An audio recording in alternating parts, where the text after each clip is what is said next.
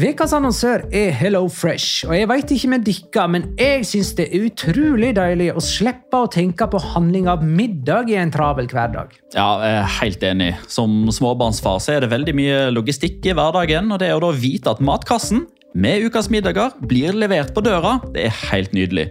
Da slipper du impulskjøp på butikken når blodsukkeret er lavt, og når du kommer hjem, kan du bare ta ut posen med dagens ingredienser fra kjøleskapet og sette i gang matlaginga. Ja, Du kan velge mellom 25 ulike retter hver uke. Og de har faktisk en egen kategori som heter Raskt og enkelt, med masse enkle og gode oppskrifter. Veldig greit å ikke måtte ty til takeaway hver gang det er hektisk på jobb. Jeg gleder meg spesielt til sterk chilikylling i min neste kasse. Jeg blir sulten bare av å tenke på det. Ja, Det er ikke feil med bacon og cheeseburger heller, da. Og det som også er bra, er at matkassen koster det samme hver uke, som gjør det enklere å holde matbudsjettet. Ja, og så blir det ikke matsvinn heller, fordi du får akkurat det du trenger til hver eneste rett. Hello Fresh kan absolutt anbefales, og bruker du koden vår, LIGALOCA, kan du få opptil 1779 kroner i rabatt på de fem første matkastene hvis du ikke har prøvd Hello Fresh tidligere. Du kan også prøve koden hvis du har avslutta abonnementet ditt for tolv måneder siden eller mer. Gå inn på hellofresh.no og bruk koden LIGALOCA. Bon appétit! Hallo? Jeg kommer fra Oslo politikammer. Ine Jansen er purk. Er du purk? The motherfucking bitch. Alt jeg vil, er å finne ut hva som skjedde med mannen min. Jon Carew. Er jeg sikta for noe? Iben Akeli. Det er du. Ole So, Lars Berrum og Big Daddy Karsten. Hvem sin side er du på, egentlig? Anette Hoff, Tone Danielsen, Kommer du fra Afrika? Jørnis Josef, Nesten. Kløfta. Trond Espen Seim. Det er synd å si det, men det var feil mann som døde. Purk. Premiere tirsdag på TV2 Play.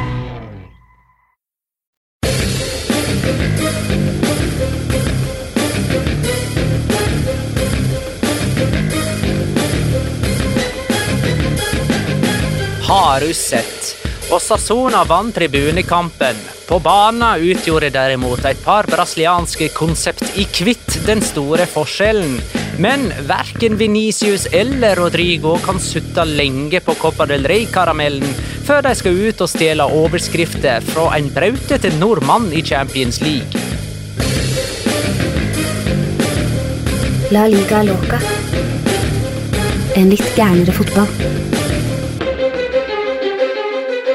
Ja, ja, ja. Dette er La Liga Loca episode 250 av det ordinære slaget med Jonas Giæver, hei. Home of the Shalom. Eh, Magnar Kvalvik, hei. Halla, Magnar. Hei. Eh, Petter Wæland har valgt å feire dette jubileet i Viasat sitt Premier League-studio. Jeg er litt skuffa over det, kjenner jeg. altså. Her har vi eh, jubileum på 250 episoder, og så skal han sitte og være Premier League-ekspert. Det er sell-out! Boo! Ai, ai, ai, ja, det, der, eh, det der kan vel matche den gangen han ikke så El Clásico fordi at han var på eh, Grand Prix-semifinale eller noe i, eh, på Fornebu. I Telenor uh, Arena. Ja, jeg lurer på om ikke det var selve Grand Prix-finalen som var i Spektrum. For jeg møtte ham vel senere den kvelden der. For jeg hadde jo vært ute og sett El Clásico. Eh, og da var han sånn smågrinete på meg etterpå fordi jeg skulle vise ham noe på sosiale medier, og da hadde det dukket opp hva resultatet var i den kampen som han skulle se i opptak. Mm. Um, så Men han han, visste hvem som hadde vunnet Grand Prix òg, så alt ble spoila. Jeg fikk jo spoila hvem som vant Grand Prix. Jeg hadde jo selvfølgelig planer om å benke meg og se den. Men nei da, altså, vi, vi spøker. Petter har eh, Ja, vi har jo begge alle har mistet episoder av ulike årsaker. Det er jo kanskje litt dumt at han mister 250, eller nummer 250, men når årsaken er at han skal dekke Rysaren Leicester mot Fulham, så tenker jeg at eh, da må jo vi selvfølgelig komme i andre bane. Eh, og i morgen, eh, tirsdag, da er det jo uh, Real Madrid-Manchester City, samtidig som Norge skal ut i semifinale i Eurovision. Ja. Så det blir spennende å se hva Petter får med seg da. tipper at han går for uh, Hva heter den Har ikke vi en uh, Hva heter den sangen? Jeg har fått, jeg har fått sett den mange King of Queens, Er eller? Queen of Kings. Queen of Kings, tror jeg det er den heter, den sangen. Ja, anyways det, Det hadde faktisk ikke Petter visst. Det, det kan godt eh, hende at han er den av oss tre som ikke veit det. No, i, sånn i, i ærlighetens navn, da. Han har, eh, altså Helene, hans kone, er, pleier i hvert fall å være mer interessert i Grand Prix enn ham, og hun har kanskje informert han om det, men jeg, jeg kan ikke forestille meg at Petter hadde kommet inn hit og vært sånn Nei, dette her har jeg oppdatert meg på. Jeg tror han har blitt oppdatert på det da, i så fall. Mm. Det er gøy at de baksnakker Petter litt sånn åpent Men, eh, nei, men han har eh, gjort seg fortjent til litt diss. Han har det. Gratulerer med er 250 for øvrig, Magnar. Eh, I like måte. Ja. Deg også, Petter, selv om du ikke er her. Mm. Um, vi skal snakke om Copa del Rey-finale, vi må snakke om det som skal skje i Europacupen cupene denne veka. Eh, men vi må òg ta noen uh, Hadde nær sagt eh, off-topic-spørsmål. Endre Tengren, for eksempel. Kan dere touche innom Superklassiko, der det ikke var noe La Liga-fotball denne helga? Det ble visst noen røde kort der. Antar Jonas kan utdype. Ja, jeg kan jo for så vidt det. Altså, for de som ikke vet det, Super Classico er jo da eh, River Plate mot Boca Juniors i, i Argentina, og det er jo det man sikkert eh, henviser til der, er jo denne videoen på syv-åtte minutter av hvordan det blir slåsskamp mellom de to lagene i sluttminuttene der, fordi eh, Miguel Borja, som jeg husker at spilte i Atletico Nacional i Colombia, han blir jo matchvinner på overtid med et straffespark. Og Da overlister han tidligere Manchester United-keeper Sergio Romero, som står i mål for Boca Juniors. Og så eksploderer det da, selvfølgelig, for da er Boca-spillerne forbanna, og de skal bråke, og så er det spillere på benken som skal ut og lage et helvete. Så ser du jo en del ulike tidligere La Liga-profiler da, som liksom løper rundt og er del av dette. Blant annet Enzo Perez, som vi husker at spilte i Valencia, f.eks. Han er jo å, å se der. Eh, Luis Advincola, eh, som var jo han eh, durende bekken til Rayo Vallecano. Han Var det han som var så utrolig rask? ja, verdens var- raskeste fotballspiller. Ja. Yep, Han spiller for, eh, for Boca Juniors. Facundo Roncaglia. Han husker oh, vi jo. Var han i Osasona, eller? Og var det Roncaglia altså Roncaglia var vel i Osasona, ja. Det er og, noen litt sånn obskure tidligere La Liga-folk, dette. Ja, ja, men dette her er jo, holdt på å si, kall det kulttyper. Ja, ja, ja. Eh, den som kanskje de aller fleste vil dra kjensel på, er vel kanskje treneren til, eh, til River Plate. Og for så vidt også treneren til Boca Juniors, for treneren til Boca Juniors er jo Jorge Almiron, som trente Elche to, ved to anledninger, eh, og var trener der tidligere denne sesongen. Mens treneren til River Plate, det er Martin de Michelis, som vi husker fra Malaga, som vi husker fra de tre dagene han var i Atletico Madrid før han ble solgt til City. Eh, Michelis eh, har slått seg opp og fram, eh, eller er han- er han på vei opp og fram? Han gjør det så veldig bra. De vinner og vinner og vinner i River. Og han, i denne kampen her så hadde han for øvrig Altså, Du ser jo mye film, Magnar. Du vet jo Når man prøver liksom å lage en sånn karakter som skal se ut som djevelen, så har han ofte på seg kanskje rød dress med svart slips eller svart dress med rødt slips. At det skal liksom poengtere at, det er en, at han er djevelen, inkarnasjonen av djevelen.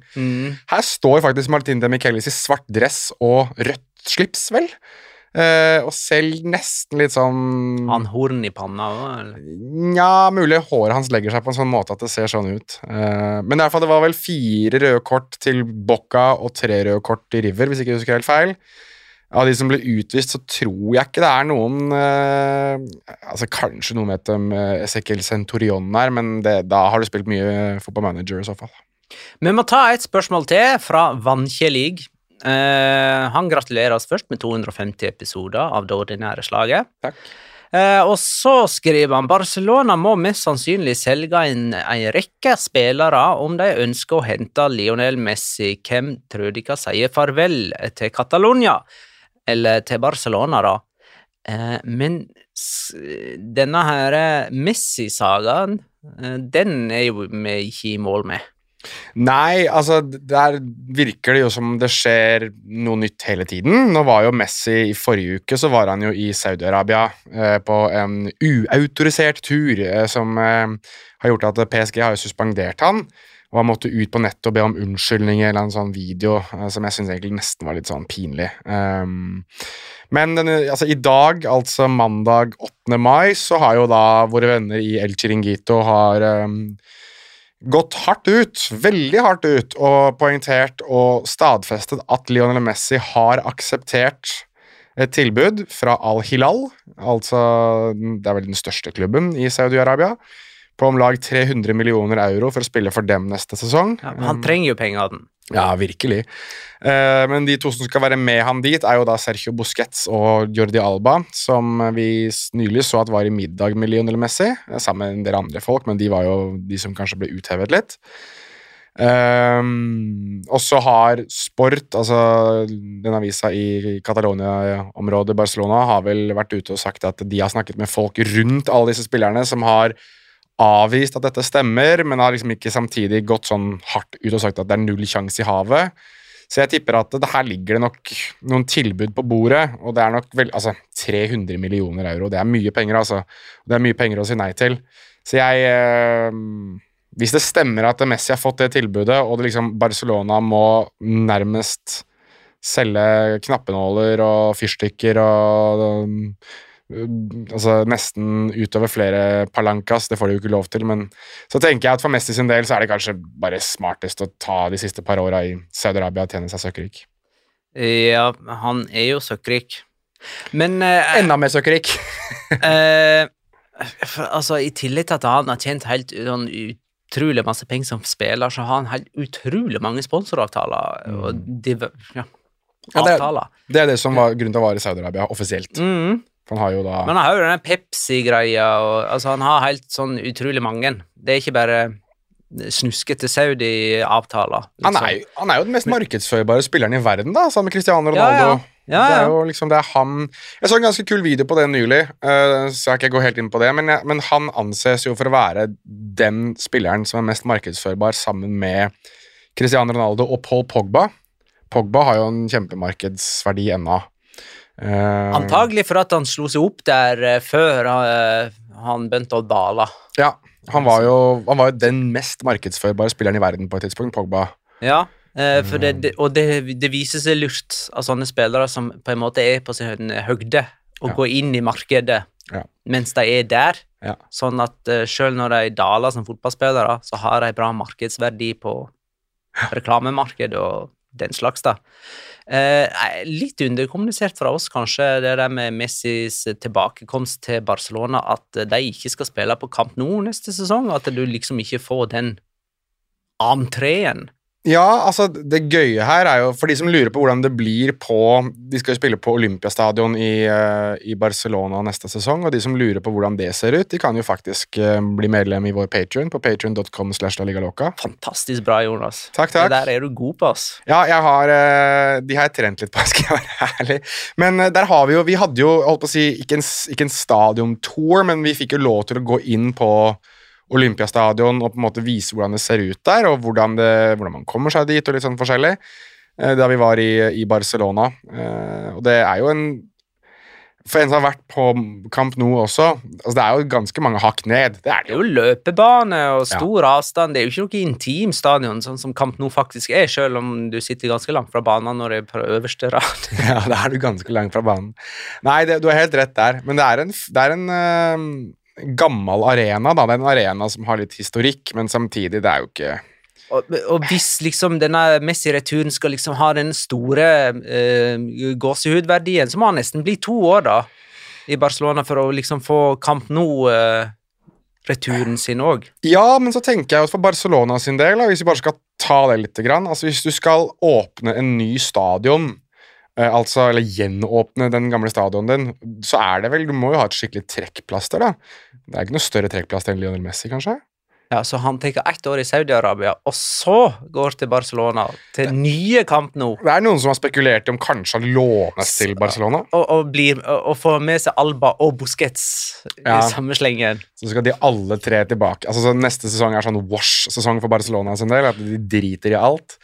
Nei, jeg tror eh, Det er veldig mye som rapporteres rundt Messi nå, forståelig nok, fordi det har jo også blitt kommunisert ganske sånn tydelig fra ulike hold at han kommer ikke til å bli værende i PSG, og da er det jo et sånne rykter om at Chelsea skulle prøve å få han dit. Og, altså Det er så mye nå, så vi må holde tunga litt rett i munnen. Men det har vært rapportert lenge at Al-Hilal ønsker å hente Messi til Saudi-Arabia fordi Al-Nasser har hentet Cristiano Ronaldo.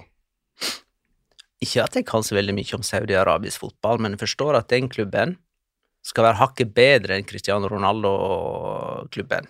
Al-Hilal er eh, tradisjonelt sett den største klubben i Saudi-Arabia, hvis jeg ikke tar helt feil, og har vel vunnet en del av disse asiatiske Champions League-titlene. Nå må noen gjerne arrestere meg på det, men jeg lurer på om ikke det er de som har vunnet den ganske mange ganger av de klubbene i Saudi-Arabia.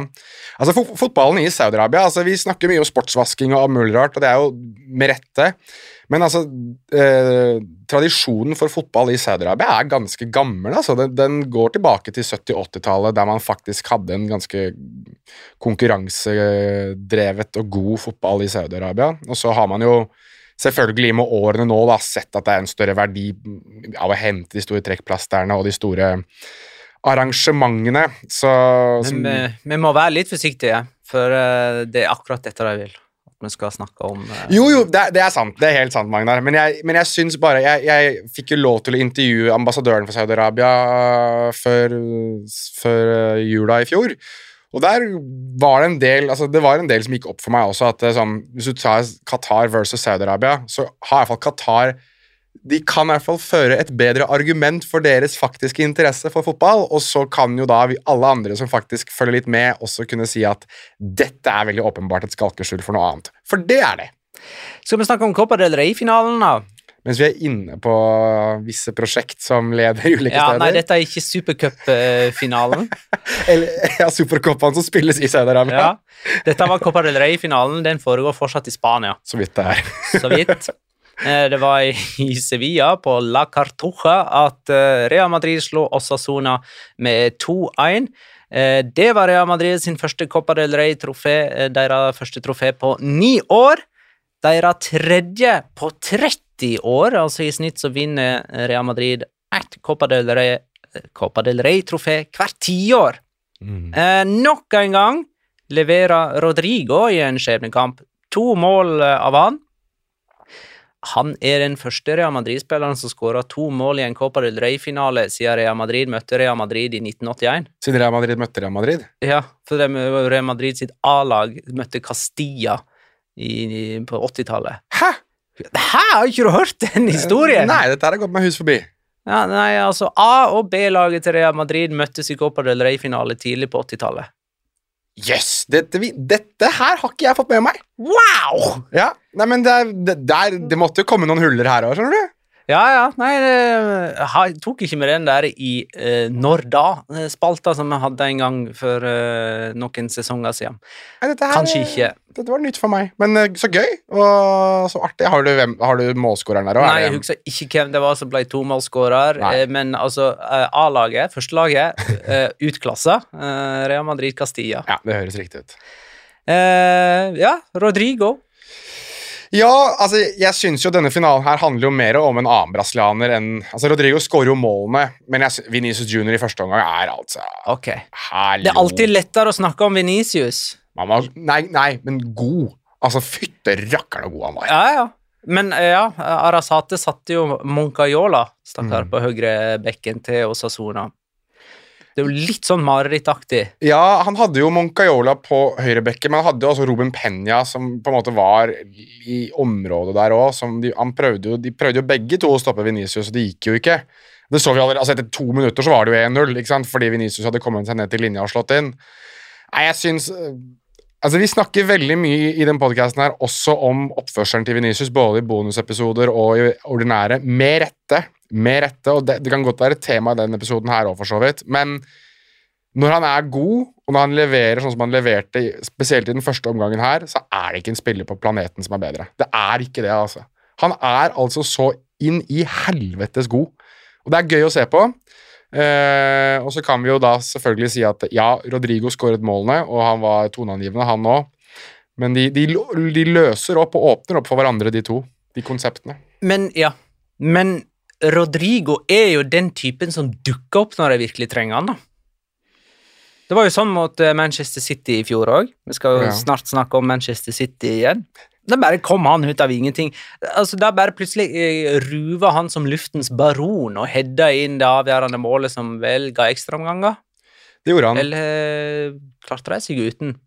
Nei, de måtte, det var vel der de måtte ut ekstraomganger, var det ikke det? Ja, Det var i alle fall en helt sånn remontada-tullete greie på overtid. Ja, nei, altså, men dette her ble jo da finale Det ble jo en sånn Concepta del Rey-finale, eh, med tanke på at det var de to som kostet Det ble mange som la ut eh, klipp av det der. At de kosta så, så mye at de ble kritisert i pressen for å koste 40-50 millioner euro hver, til tross for at de bare var 16 år. Mm. Men Venicius er den som skaper. Mm. Eh, Rodrigo er den som dukker opp. Mm. Men han har det elegansen eh, Rodrigo òg, da. Ja, altså Ja. Eh, men Venicius har en tendens til å se ut som han hater å være på fotballbanen. Der han er i krangel med, med hvem som helst. Mm. Og så får han ballen, og så ser det ut som han elsker å være på uh, fotballbanen. Og alt det hatet han har fått ut, uh, med verbale konfrontasjoner, det ser ut til å påvirke ham på en sånn personlig plan. Han har en sånn personlig hat mot sine motstandere, eh, og hevner seg ved å drible dem. Ja, det virker nesten litt sånn. Um, det kan jo være at Altså For alle de som har sett The Last Dance-dokumentaren med Michael Jordan og sånn, altså han er veldig åpen om at han tok ting veldig personlig. Altså Han gjorde det til en vendetta når folk var bedre enn han, eller gjorde noe han hadde lyst til å gjøre, eller fikk eh, skryt som han følte han burde fått, f.eks. Kan det godt være at Venezia Junior er litt lik, da. At han, han kjenner en sånn fandenivoldskhet som han både får ut eh, i mimikk og måten han oppfører seg på, men også i måten han leverer på på banen. Altså Det er jo helt klart noe som bor i ham, som han kun får ut på banen, da. Eh, hva angår sinne og frustrasjon. og jeg syns det er helt nydelig å se på. Vi husker Lionel Messi gjorde jo for så vidt det samme, han nå, men han holdt jo kjeft. ikke sant? Det var jo det som var litt, det er det som er litt forskjellen. At Messi sa ingenting, gjorde ingenting, men ved neste korsvei mellom de to spillerne altså si for eksempel, Hvis Ramos takla han hardt, så passet Messi på å slå en luke på han eller dra han av eller gjøre et eller annet som dreit ut Ramos. Vinicius Junior gjør litt det samme, men han skal også passe på at du, du skal få høre det òg. Og jeg sier ikke at det nødvendigvis er gærent at Vinicius Junior gjør det, men han gjør det så mye til så mange over, et helt, altså over en hel kamp at jeg tenker at til syvende og sist så må en dommer tørre å vise han ut for det. For han, det han gjør, er jo Det skal være kort, ikke sant? Det skal være utvisning til slutt. Eh, Osasona spilte sin andre Copa del Rey-finale i historien. Står fremdeles uten eh, trofé, eh, men de klarte jo å gjøre det spennende. Og dermed så kan de jo vende snuten hjem med en viss stolthet. Ja, jeg hadde eh, venninne av meg, Annika, som, var som tilfeldigvis var i Sevilla på ferie. Og hun eh, spurte meg hva var det her, liksom. Altså sånn, Hun sendte video, og den stemninga som Osasuna-supporterne lagde i gata, som jeg fikk sendt over eh, Snapchat, det var eh, Nei, det var ellevilt. Det var 30 000, tror jeg, som hadde tatt turen fra Pamplona og ned til Andalusia, til til Sevilla. Og den der eh, tifoen eller altså, Selvfølgelig er det sikkert mm, klubben som har eh, ork orkestrert det, men hvor det står Osasona over hele den ene kortsida, og du så at det var Altså, det var knæsj rødt, liksom. Det syns jeg var kjempetøft, da. Så Underdog-entusiasten i meg ville nok gjerne se, se Osasona vinne dette, men eh, ja, de har, de har grunn til å være stolte. Og de klarte å gjøre kamp ut av det òg, med Lucas Toro. Ja, altså, de slapp jo inn etter hva var det, halvannet, eh, Ja. nesten to minutter, og da så de jo bare Altså, det er jo alltid ille, på en måte, for, iallfall for en nøytral tilskuer, og for, ikke minst da for underdogen, når underdogen slipper inn så tidlig. At de da klarer å redusere, eller utligne, Ja. tidlig i andre omgang. Eh, Så har de på en måte vist verdig sin plass i finalen, eh, føler jeg. De hadde jo fire Det var fire runder de spilte ekstraomganger Ja. på veien dit. Og man skulle liksom ikke se helt vekk fra at det kunne bli en femte.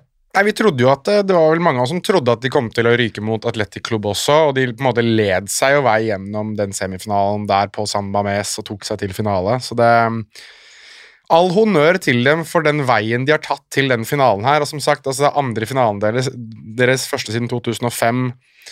De vil vel etter all sannsynlighet komme seg ut i Europa nå, fordi Real Madrid skal jo selvfølgelig spille Champions League, så jeg lurer på om ikke det tilfaller en Nei, da blir det nok uh, ligaplassering, det tilfellet. Ja, Er det det, altså? Mm, jeg trodde det var er Conference League. Eh, Nei, det blir eh, Eh, nummer sju i La Liga for Conference League-plassen. Er det det det er, da? Mm. Trodde det Og gikk de kan jo gå til Girona. Oi, ja. Jeg trodde det var, trodde det var tapende finalist jeg, som fikk den da. Det er slutt på det nå. Se her, jeg er ikke oppdatert på ting lenger. Jeg ikke vet jeg om eh, da Real Madrid møtte Castilla i cupen, og ikke vet jeg om hvordan disse utdelingene av Det er så eh, Grand Prix-dager. Altså, jeg er så geeka på det Grand Prix-greiene, vet du. Altså, jeg sitter jo og bare pugger Grand Prix, jeg nå. Real Madrid har vunnet Copa del Rey, Uefa Supercup og Fifa sin eh, ja, VM for klubblag denne sesongen. Mm. Det er jo en slags Mourinho-trippel. Altså, han hadde jo holdt tre fingre i været. Er du gæren? Eh, men eh, som Angelotti påpeker, da, på to sesonger så har Real Madrid vunnet alt. Mm. Det er de tre, og La Liga og Supercoppa og Champions League. Eh, og det er jo ikke så ille, men man blir vel først og fremst målt på én sesong, og de tre trofeene de har nå, Ja, det er vel riktig, det. Også, det er på en måte sekundære trofé. Jeg lurer på ikke det er Er det Karim Benzema som nå har vunnet Er det 35 trofeer som Real Madrid spiller? Jeg tror han tang... Ah, Han tangerte Marcelo, ja, Ja. men var det så mange som fem, 35? Jeg trodde det var sånn 24. Kanskje det er 24 eller 25. Eh, Jeg kan søke det opp kjapt. Jeg sitter jo faktisk med en PC her rett foran meg. Hvis jeg skriver eh, Benzema Marcelo, så tipper jeg at det er det første som dukker opp på Twitter-feeden min. Uh, skal vi se 24, ja. Begge to står med, står med 24 titler. Så Men nå er det jo stort, stor sannsynlighet for at um, Benzema blir tidenes mest vinnende Real Madrid-spiller på et eller annet tidspunkt. det gjør han på et eller annet tidspunkt. Vi kan jo ta et par spørsmål eh, fra lyttere om Real Madrid. Eh, Jørn Henland lurer på hva hen Ceballos spiller neste sesong. Han kom ikke inn på i finalen. I Real. Madrid, tror jeg. Du tror det, ja? Han har vært ganske bra, skjønner du, så det er litt sånn overraskende at det er blitt så perifert eh, nå de siste ukene igjen. At han ikke var involvert her engang. Nei, jeg, men, jeg tror, men jeg tror også Vi må huske at Real Madrid spiller jo uhorvelig mye fotball da, i løpet av en sesong. Ja, så Nettopp. Ja, det er naturlig at, at han kommer til å Og så tror jeg jo at på sikt så skal jo både Kroos og Modric forsvinne. Jeg tror de spiller en sesong til, begge to i Real Madrid, Kroos og Modric, men, men det er vel i hvert fall verdt å tro at Ceballos vil ha en ganske stor og viktig rolle når de to forsvinner. Så, Mm, ja. ja, og så blir det meldt fra England nå. Så får vi jo vurdere kilden alt ettersom, men at eh, Manchester City eh, ikke er så på avtrekkeren for Bellingham akkurat nå, Ja. og at eh, dermed så er Real Madrid i førersetet der. Så Geir Halvor Kleiva spør om dette er siste sesong for Kroos eller Modric hvis Bellingham kommer nå i sommer. Nei, jeg tror ikke det. Jeg tror de begge to blir værende. Jeg tror de blir værende en sesong til. Og jeg tror de blir værende litt også fordi de gjør det enklere å introdusere Bellingham til Real Madrid. Altså, Bellingham har jo spilt for Birmingham City og Borussia Dortmund. Begge klubber er, har uh, rabiate supportere, men det er ikke Real Madrid, altså. Eh, selv ikke Borussia Dortmund, det er Real Madrid. Det er spillere som har gått den veien der, som har uh, altså holdt på å ikke fått noen ting til å stemme. Nuri Shahin, for de som husker han, han gikk jo fra Bor- Borussia Dortmund til, eh, til Real Madrid. Det fungerte ikke så veldig bra. Så jeg tror nok det at Modric og Kroos, eventuelt en av de, blir værende igjen og på en måte hjelpe Bellingham litt, som fremdeles vel kun er 19 år, tror jeg er veldig positivt, da. Mm. men, men vi begynner nå å snakke om at de, de rike blir rikere, altså når du snakker om Real Madrid som kan da erstatte en trio med Kroos, Modric og Casemiro, og på sikt da sitte igjen med Bellingham, Valverde, eh, Chouameni, eh, Ceballos, Camavinga Altså det Pick your poison, liksom. Det er forferdelig grusomt for motstandere å tenke at de skal møte disse spillerne her. Det er tre spillere, fire spillere der som kommer til å være de beste i verden i sine posisjoner i mange år framover. Uh, tirsdag kveld denne veka, det blir tirsdag 9. mai, møter Real Madrid Manchester City på Santiago Bernabeu. Du har allerede sagt at Venicius Junior er verdens beste spiller, Når han er god, når han er veldig god, så er han det. og skal nå stjele overskriften fra Erling Braut Haaland. som er verdens beste spiller så å si hele tiden. Ja. Så det, du kan få de to beste spillerne i verden mot hverandre, tenker jeg. Men det er jo eh, forskjellige ferdigheter, da. Ja. Altså uh, Venicius kan jo på en måte prege en kamp med måten han spiller på, mens Haaland han kan gjøre det bare ved å score.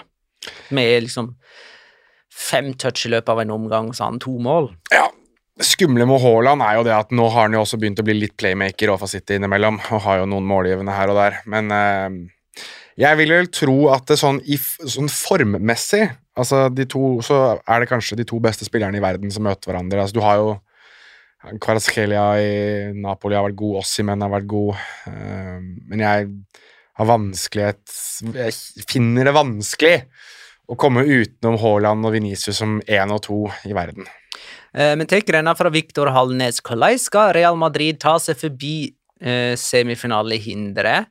Eh, hvor avgjørende kan det ha vært at de spilte en finale før semifinalene i Champions League? Akkurat det siste der, tenker jeg. Det er sånn Dette er sånne øyeblikk der Real Madrid blomstrer. Eh, jo flere store, viktige, avgjørende kamper som kommer tett på, jo bedre blir de. Det er, det er et godt poeng. Jeg er enig med deg der, Magnar. Og jeg, så må vi huske da at det er liksom Litt sånn historisk så er dette det Real Madrid lever for, altså. Dette er liksom det Real Madrid ånder for. Klubben Real Madrid er flaska opp på kvelder som den. Samtidig så er også Erling Braut Haaland flaska opp på drømmer om kvelder som denne. Og han har Altså, vi husker jo da han spilte i Salzburg og kjørte rundt i Salzburgs gater og spilte Champions League-hymnen ut av bilen sin. Altså, dette her er Jeg tror at Haaland har ringa seg ut den kampen her i mange, mange uker. Um, Santiago Bernabeu for City kan være den som knekker et hegemoni, liksom, i hvert fall. Da, eller det som føles ut som et hegemoni. Ehm, ved å bare være et monster. Det tror jeg er noe som trigger Haaland skikkelig. Så det er liksom det er, altså, Den store, stygge ulven kommer til Madrid. Det er liksom det jeg tror eh, veldig mange tenker her, og, og det gjør han jo. Og så tror jeg at vi enten får et scenario der Haaland er helt naken, gjør ingenting, og stoppes og liksom er helt satt på plass, eller så tror jeg han river i stykker av Madrid. Sa ikke du for ikke sånn kjempelenge siden at han kommer til å skåre hat trick på Santiago Bernabeu, og så kommer Real Madrid til å kjøpe han? Jeg sa at jeg heller mot at dette her er en sånn kveld der Haaland er ustoppelig, og at det er den kvelden der Florentino Perez sier at ok, her må vi faktisk bare Vi må faktisk bare kjøpe han, enkelt og greit. Vi må, han må vi ha. Så det, det, jeg, jeg tror at Haaland kommer til å ha en helt fabelaktig kveld. Er det dog en viss fare for vi, må ta litt eh, trenerduell. Ja. Ancelotti versus Guardiola. Guardiola. Der har jo Guardiola et internt overtak. Men eh, det er mye på grunn av at Ancelotti var Jeg skal Everton-trener. akkurat å si det må ha vært det. Eh, For i Champions League så har jo Ancelotti påført Pep Guardiola noen av Guardiolas verste øyeblikk. Eh, som Real Madrid-trener i 2014 så vant eh, Ancelotti til sammen 5-0 over Pep Guardiolas eh, Bayern. Da var jo 4-0 på Alli- Allianz. Ja, stemmer det. Arena. Ronaldo hadde hat trick, var det ikke det? Eh, ja, han var i alle fall stor. Ja, jeg mener jeg husker at Ronaldo hadde et hat trick. Men kan de ha møttes også da um, Ancelotti var Napoli-trener òg? Altså det- jeg tror at denne statistikken den er litt sånn Den er nok i favør Guardiola, men Ancelotti hadde jo en liten periode der hvor han hadde en del klubber som Sånn som du var inne på, Everton, Napoli, som liksom prøvde å finne seg selv etter at Maurizio Men der var var ikke han så lenge. I Napoli? Nei, han kom, Nei. røk uklar med eiere eller Ja. presidenter eller et eller annet. Han var jo også i Bayern, Carl Angelotti, Ja, ja. og vant jo i hvert fall Bundesligaen der, men Men jo da, men der har du egentlig litt av forskjellen på de to. Angelotti har vunnet eh, alle de fem store seriene, mm. men er jo mer en sånn nomade som ikke blir værende lenge på én plass. Mens eh, Guardiola han har vunnet ti ligatitler med tre ulike Altså bare, da, i gåsehauget tre ulike lag. Han er jo i sin sjuende City-sesong. Mm. Og så er Pep Guardiola en sånn type Ja, en oppfinner som evner å endre fotballforståelsen vår, Ja. mens Ancelotti egentlig gjør sånn som alle andre trenere, bare litt bedre. Ja, det er et godt poeng. Eh, og det var egentlig dit det skulle nok Er det en viss fare for, for City sin del, at eh, Pep Guardiola kan igjen blir en sånn uh, overthinker, som de sier over there. Uh, Ja. Blir for oppfinnsom igjen, når han skal liksom knekke en Ancelotti-kode. Ja, det er, det er jo litt uh, det som er det gøye med de to, som du er helt inne på. At uh, Angelotti Altså, jeg tror at Ancelotti lever litt etter det prinsippet at dere vet hva jeg, hva jeg skal gjøre. Altså, dere vet, De vet det, alle vet hva Real Madrid står for, men det er én ting å vite hva vi står for, og det er en annen ting å stoppe oss fra å gjøre det. Mens Guardiola er litt sånn Her må vi prøve å passe på at ikke de vet hva vi gjør. Um, og da kan det være at du, som du var inne på, at man overtenker veldig og gjør ting som man kanskje ikke burde gjøre. Jeg syns at med Haaland så er det ganske åpenbart at øh, her burde City ikke overkomplisere noe som helst. Altså Få ballen fram til han der øh, nordmannen, da, han der fra Bryne. Ikke sant? For det har jo gitt deg en kontringsdimensjon som, som Guardiola på en måte nå har gått litt mer med på. Eh, Ja. At nå handler ikke det bare om å holde på ball, men òg bruke kontringsmulighetene der de er. Definitivt. Jeg, jeg, men her kan det jo være at altså Jeg kan forestille meg at City kommer ut i en sånn slags trebekslinje for å stoppe de to kantene til Real Madrid. Og, altså, jeg blir ikke overraska om vi får en eller annen taktisk duppeditt fra Guardiola. Og enten så er det, som jeg, som jeg er inne på, enten så er dette her en kamp der Haaland er altså, den som smadrer Real Madrid, eller så kommer vi ikke til å høre han nevnt noen gang i kampen, nesten. Jeg tror det er veldig sånn enten-eller med Haaland, eh, eller med City mot, mot Real Madrid. Eh, City slo Leeds 2-1 i helga. Sam Allardyces Leeds. Sam Allardyces Leeds. Når jeg ser på uh, lagoppstillingen til City her nå, hva, altså spilte de 3-2-4-1, eller hva 3-4-3, kanskje, med de midtbanespillerne utrolig samla. Um, Ja, de kjører jo jeg, Nå så ikke jeg hele den kampen, men de har jo kjørt Stones opp i midtbaneleddet sitt, og det er, det er, mye, det er mye de gjør. Mye, mye morsomme greier City prøver å gjøre. ja, Stones har jo vært i kanon, han i midtbaneleddet. Ja da. Så Han spilte ikke mot, sitt, nei, mot Leeds. han helt, spiller helt sikkert mot Real Madrid. Ja, ja. Så, men der var det jo det var litt gøy, for den som scora for Leeds den kampen, der er jo en tidligere Madrid-spiller. Det var jo Rodrigo. ja, det gjorde han. Så kan det være et omen, mon tro? Eh, men nøkkelduellene det er Venicius og, og, og den som skal stoppe Venicius. Ja, hvem er det som blir høyre back da? Eh, det- det er jo ikke Walker. Er han skada? Han har vel ikke spilt så mye? Altså, det har vel Kom inn eh, mot Leeds, ser jeg. Ja. Eh, hvem er det City har? City har så mye Akanji spillere. Uh, spiller vel mest midt. han har jo blitt flytta ut på bekken litt. Nathan Ackey var i hvert fall snakket om at det kunne være ute med mm, At han kanskje ikke rekker kampen. Han har vært en småskade. Kan jo være at det er Kyle Walker, altså strengt tatt. Og det vil jo i så fall gi mer mening, sånn, sånn med tanke på fart, da. Uh, så det kan jo være Kyle Walker som får den, den jobben. Og så da i eh, Det er den ene duellen, og så er selvfølgelig da de som skal stoppe den eller de som skal stoppe um, Haaland. Så eh, Eder Militao. Litt rufsete i det siste. Mm. Kamavinga på venstrebekk, det, det glemte jeg å nevne i forbindelse med Copa del Rey-finalen. Han òg var litt shaky. Ja, Litt sånn eh, feilposisjonert eh, ved flere høve. De sjansene Sasona hadde i første omgang, de kom et angrep på hans side. tipper at Bernardo Silva kommer til å bli satt på Kamavinga for å prøve å sette han litt ut.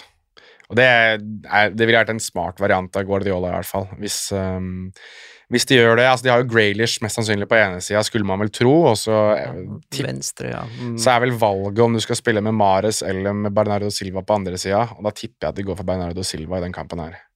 Bare for å um, dra ut Kamavinga mest mulig, og så kan du få De Bruyne pleier jo å gå på utsida der og slå innlegg, så det her har du mange det, det som er med City, er at de kan, de kan ødelegge for deg på så ekstremt mange måter. Uh, derfor er de kjempefascinerende å se på, og derfor er de jo favoritter òg, da. Altså, jeg, vi kan jo snakke så mye vi vil om at Real Madrid er Real Madrid, men de, de er jo ikke favoritter i den kampen her. Det er de jo ikke. Da kan vi ta den her fra Rune Kristiansen.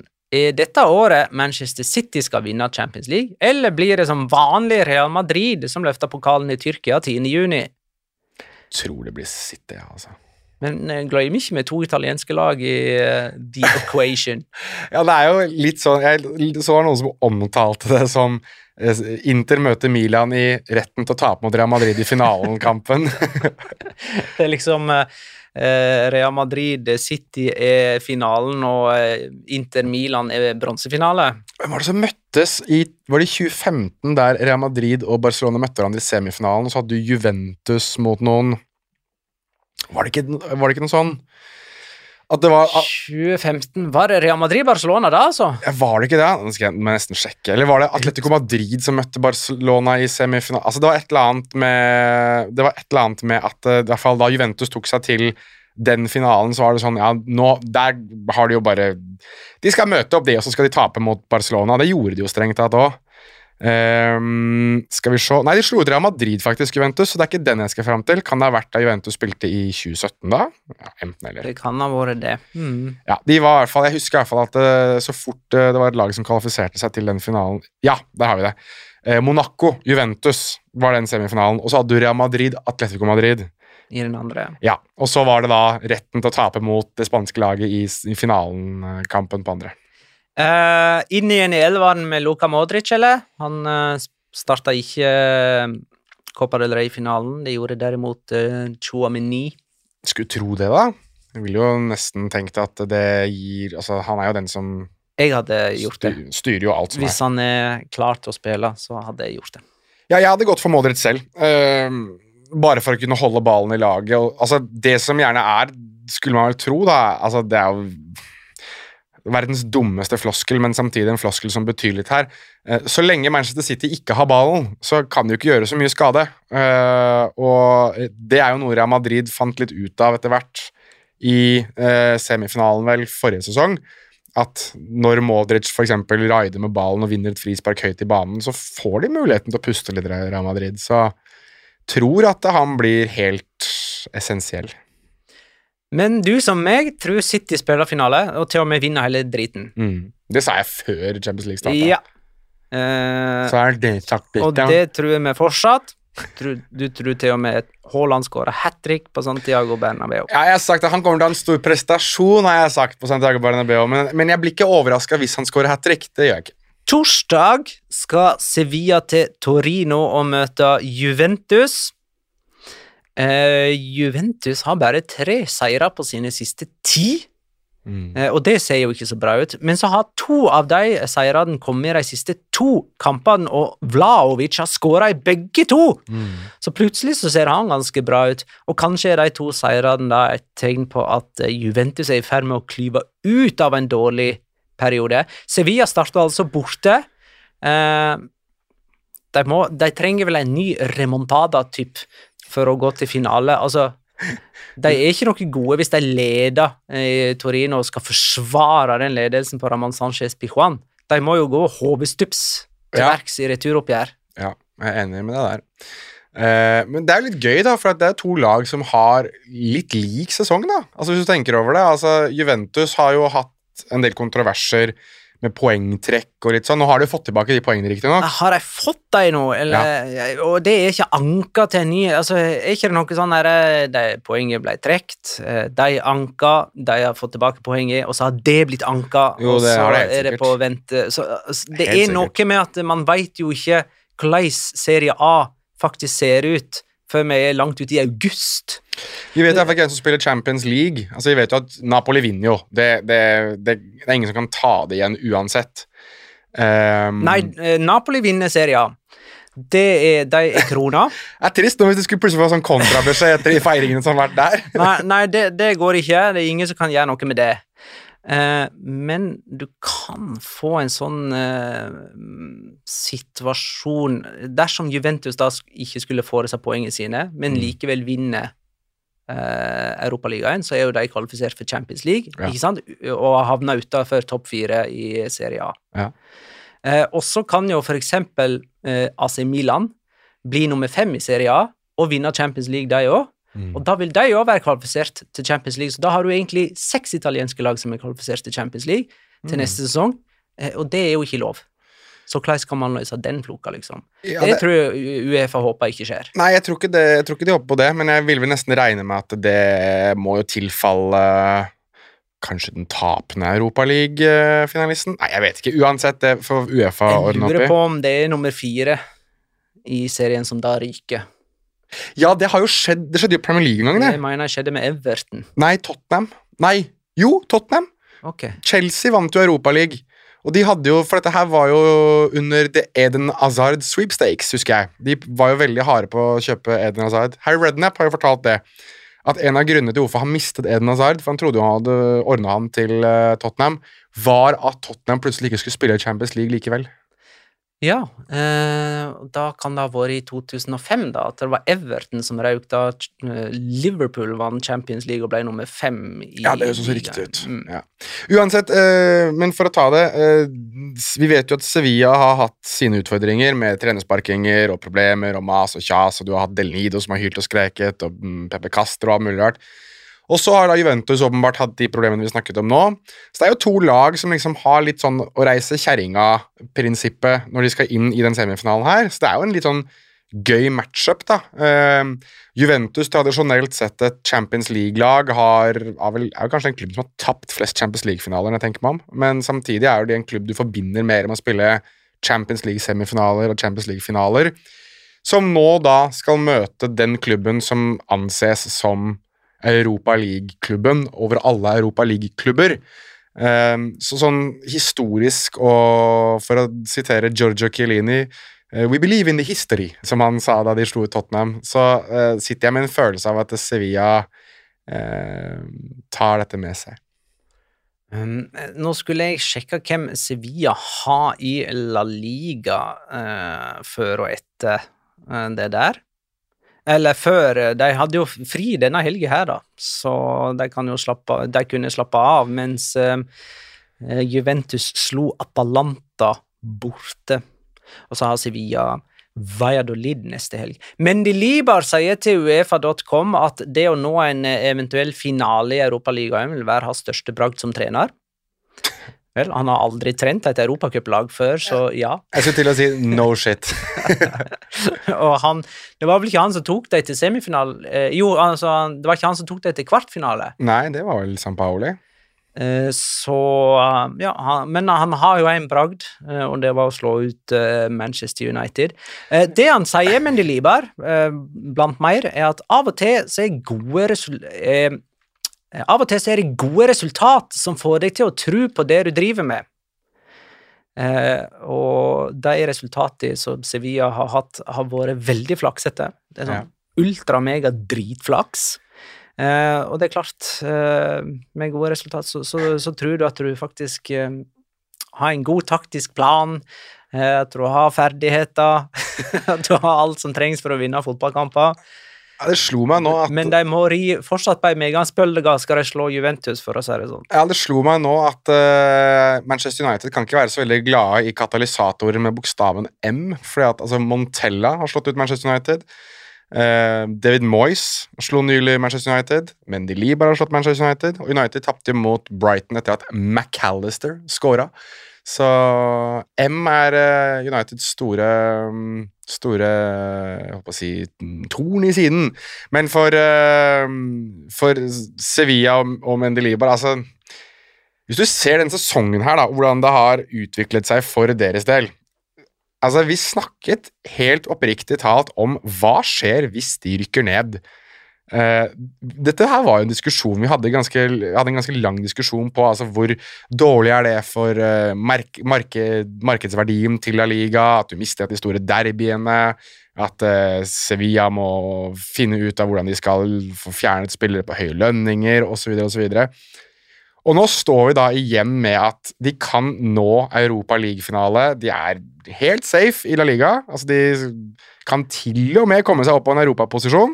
De er tre poeng bak eh, Conference League, nå som jeg har etablert at Real Madrid har vunnet Copa del Rey. Ja, ikke sant? Så da, da, da mener jeg at vi Dette her er liksom en sånn topsy-turvy det startet dårlig kan ende Altså Det er en Hollywood-film da av en, av en sesong for uh, Sevilla sin del. Så får vi se da om det er en uh, good evening eller good ending, eller om det er uh, forferdelig. Men vi har vel ikke kjempetru på de to spanske klubbene i deres semifinaler? Mer tro på Sevilla enn Real Madrid, kanskje. Mer merkelig nok. Ja, jeg tror Juventus ler ut Sevilla. Men du trodde at Fenebache skulle slå ut uh, Sevilla òg? Gjorde ikke de det? Nei, de gjorde ikke det. Jeg tror, jeg tror til og med du mente at Manchester United kom til å slå ut Sevilla. Det gjorde vel for så vidt vi alle sammen, men, men jeg, her, jeg, jeg tror at Sevilla tar hvem er, de, hvem er de andre semifinalistene? Husker vi det? Uh, Roma er vel der? Uh, ja, det er Roma Bayer Leverkosen. Ja, det er Chabi, Xabi Alonso ja, mot Mourinho. Alonso. Mm. Hadde jo vært litt moro da, hvis du liksom får Sevilla mot Mourinho eller Sevilla mot Xavi Alonso. Det hadde jo vært eh, altså, Eller veldig mange vil nok sikkert sitte og hyle og skrike om at Roma mot Juventus i den finalen hadde vært morsomt, det Det er vel den som klinger best, tross alt, av de mulige kombinasjonene. Nei, Sevilla-Roma syns jeg er Det er sånn erketypisk. Det- For oss, ja. Ja, nei, men for Ja, jo, jo, for oss. Men, men for folk som tenker at Europa League Hvilke to lag er liksom Europa League, passer Europa League-finale? Hadde hørt en, en Europa League-finale mellom Sevilla og Roma, så tenker du at ja, det passer. Juventus i en Europa League-finale høres litt feil ut, syns jeg. For at Eh, Juventus eh, hører til på et nivå over. ja. Ja. Og Bayer Leverkosen hører ikke til i det hele tatt lenger. um, jeg må snakke bitte litt om Segunda. Ja. Eh, det høres kanskje ikke så spennende ut for alle, men eh, det er eh, ganske sprøtt, nemlig. For Eibar møter Las Palmas nå i kveld, Ja, mandag 8. mai. mandag 8. mai. Eibar topper Segunda, Las Palmas er nummer fem, og det er tre poeng mellom dem. Altså, det er tre poeng mellom lag nummer én og fem i Segunda-divisjon as we speak. Skulle Las Palmas vinne den kampen, så ville det være to poeng mellom de fem øverste.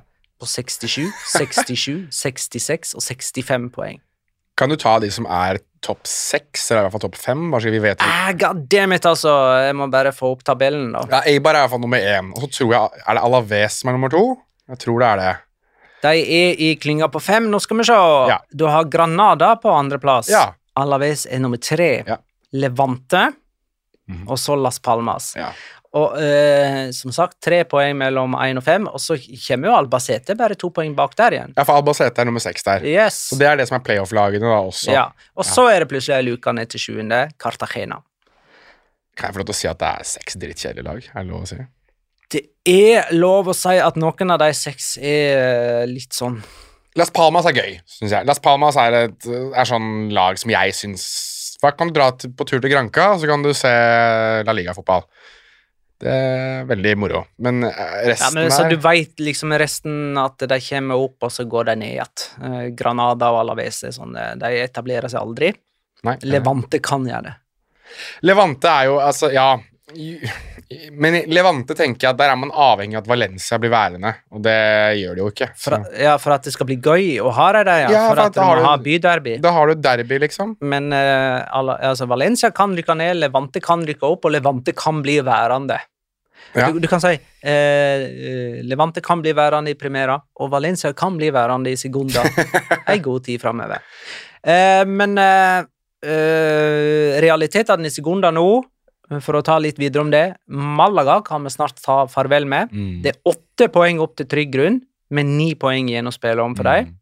Snart er de et Segunda B-lag, og så har jo Burgos vært en føljetong. Mm. I alle fall var de det i høst, da de var litt artige, fordi at de bare spilte 0-0 og vant kanskje 1-0 i ny og ne. Så hadde de en keeper som tok rekorden der. Ja, for at han holdt nullen så hyppig. Men nå har de bare to seire på de siste tolv seriekampene. De er langt nedenfor playoff, og de er heller ikke laget med færrest baklengsmål i sekunder lenger. De har sluppet inn for mange mål etter nyttår, selv om de faktisk har holdt nullen de siste to. Og så skal vi tippe. Skal vi tippe? Vi skal tippe. Oh.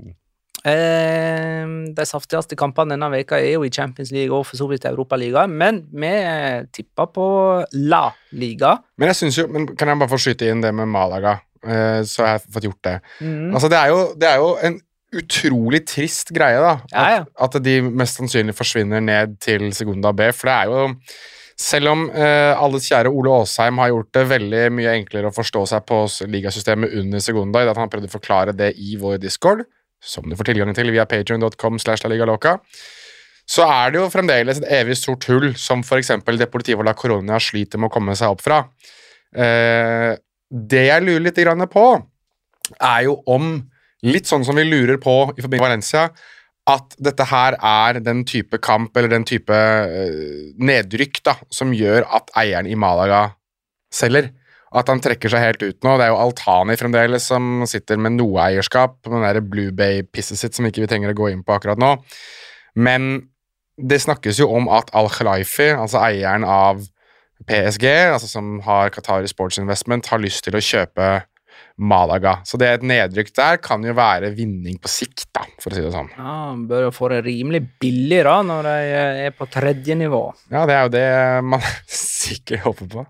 Eh, forrige kamp vi tippa på, det var Valencia Villarreal, som endte 1-1. Det føles som en evighet siden. Vi tok den i bonusen, ja. vi Vi, vi nevnte det i bonusen, ja, men vi tok ikke det Vi har ikke tatt det i fellesskap med Nei. eh, gratispassasjerene. Eh, The Backseat Boys, som er her. Valencia Villarreal endte 1-1. Det var i midtveka forrige uke, var ikke det? Sånn onsdag eller noe? ja, torsdag, onsdag, torsdag. Ja. Ja, Nicholas Jackson ble eh, første målskårer i den kampen. Jeg hadde 2-1 med Castillejo. Peter, Petter hadde 2-1 med Diakaby som første målskårer, og du hadde 0-2 med Diakaby som sjølmålskårer. Mm. Eh, ingen poeng til noen av oss. Totalt har jeg 32, eh, Petter 27 og du, Jonas, 18. Og neste kamp vi skal tippe på, er Español-Barcelona. Søndag klokka 21. Det er Barcelona-derby, der Barcelona kan sikre seg ligatittelen Mm. matematisk. Og eh, for de som hørte vår bonusepisode sist fredag, så tippa Petter allerede der, før vi hadde annonsert denne kampen som tippekamp, at Español kom til å vinne 1-0 Mm. Etter mål av Joselu. Ja, fordi Petter tror jo at eh, Spanjol kommer liksom til å stikke kjepper i hjulene for Barcelonas eh, At det er sånn megamobilisering, at vi skal ikke la Barcelona vinne på vår bane. Og fordi at Spanjol kjempa iherdig mot nedrykk. Ja. De spiller med kniven på strupen. Det gjør de. De ligger vel på nedrykk eh, Ja, det gjør de. De ligger på 30, 31 poeng, eh, altså tre poeng bak første lag på trygg grunn, som er Valencia.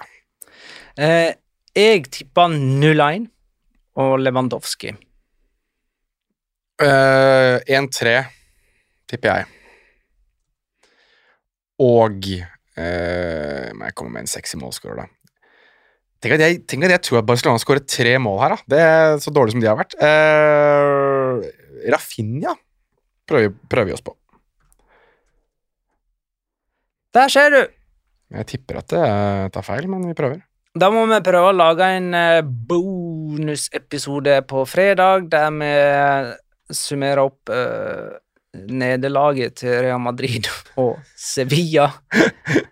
Ja, nei, men det er eh, det, Er det noe mer som skjer denne uka her? Jeg føler at det er en ting til. Ja. Grand Prix. Der har vi det. Der har vi det. All right, takk for at du lytta, kjære lytter. Ha det, da.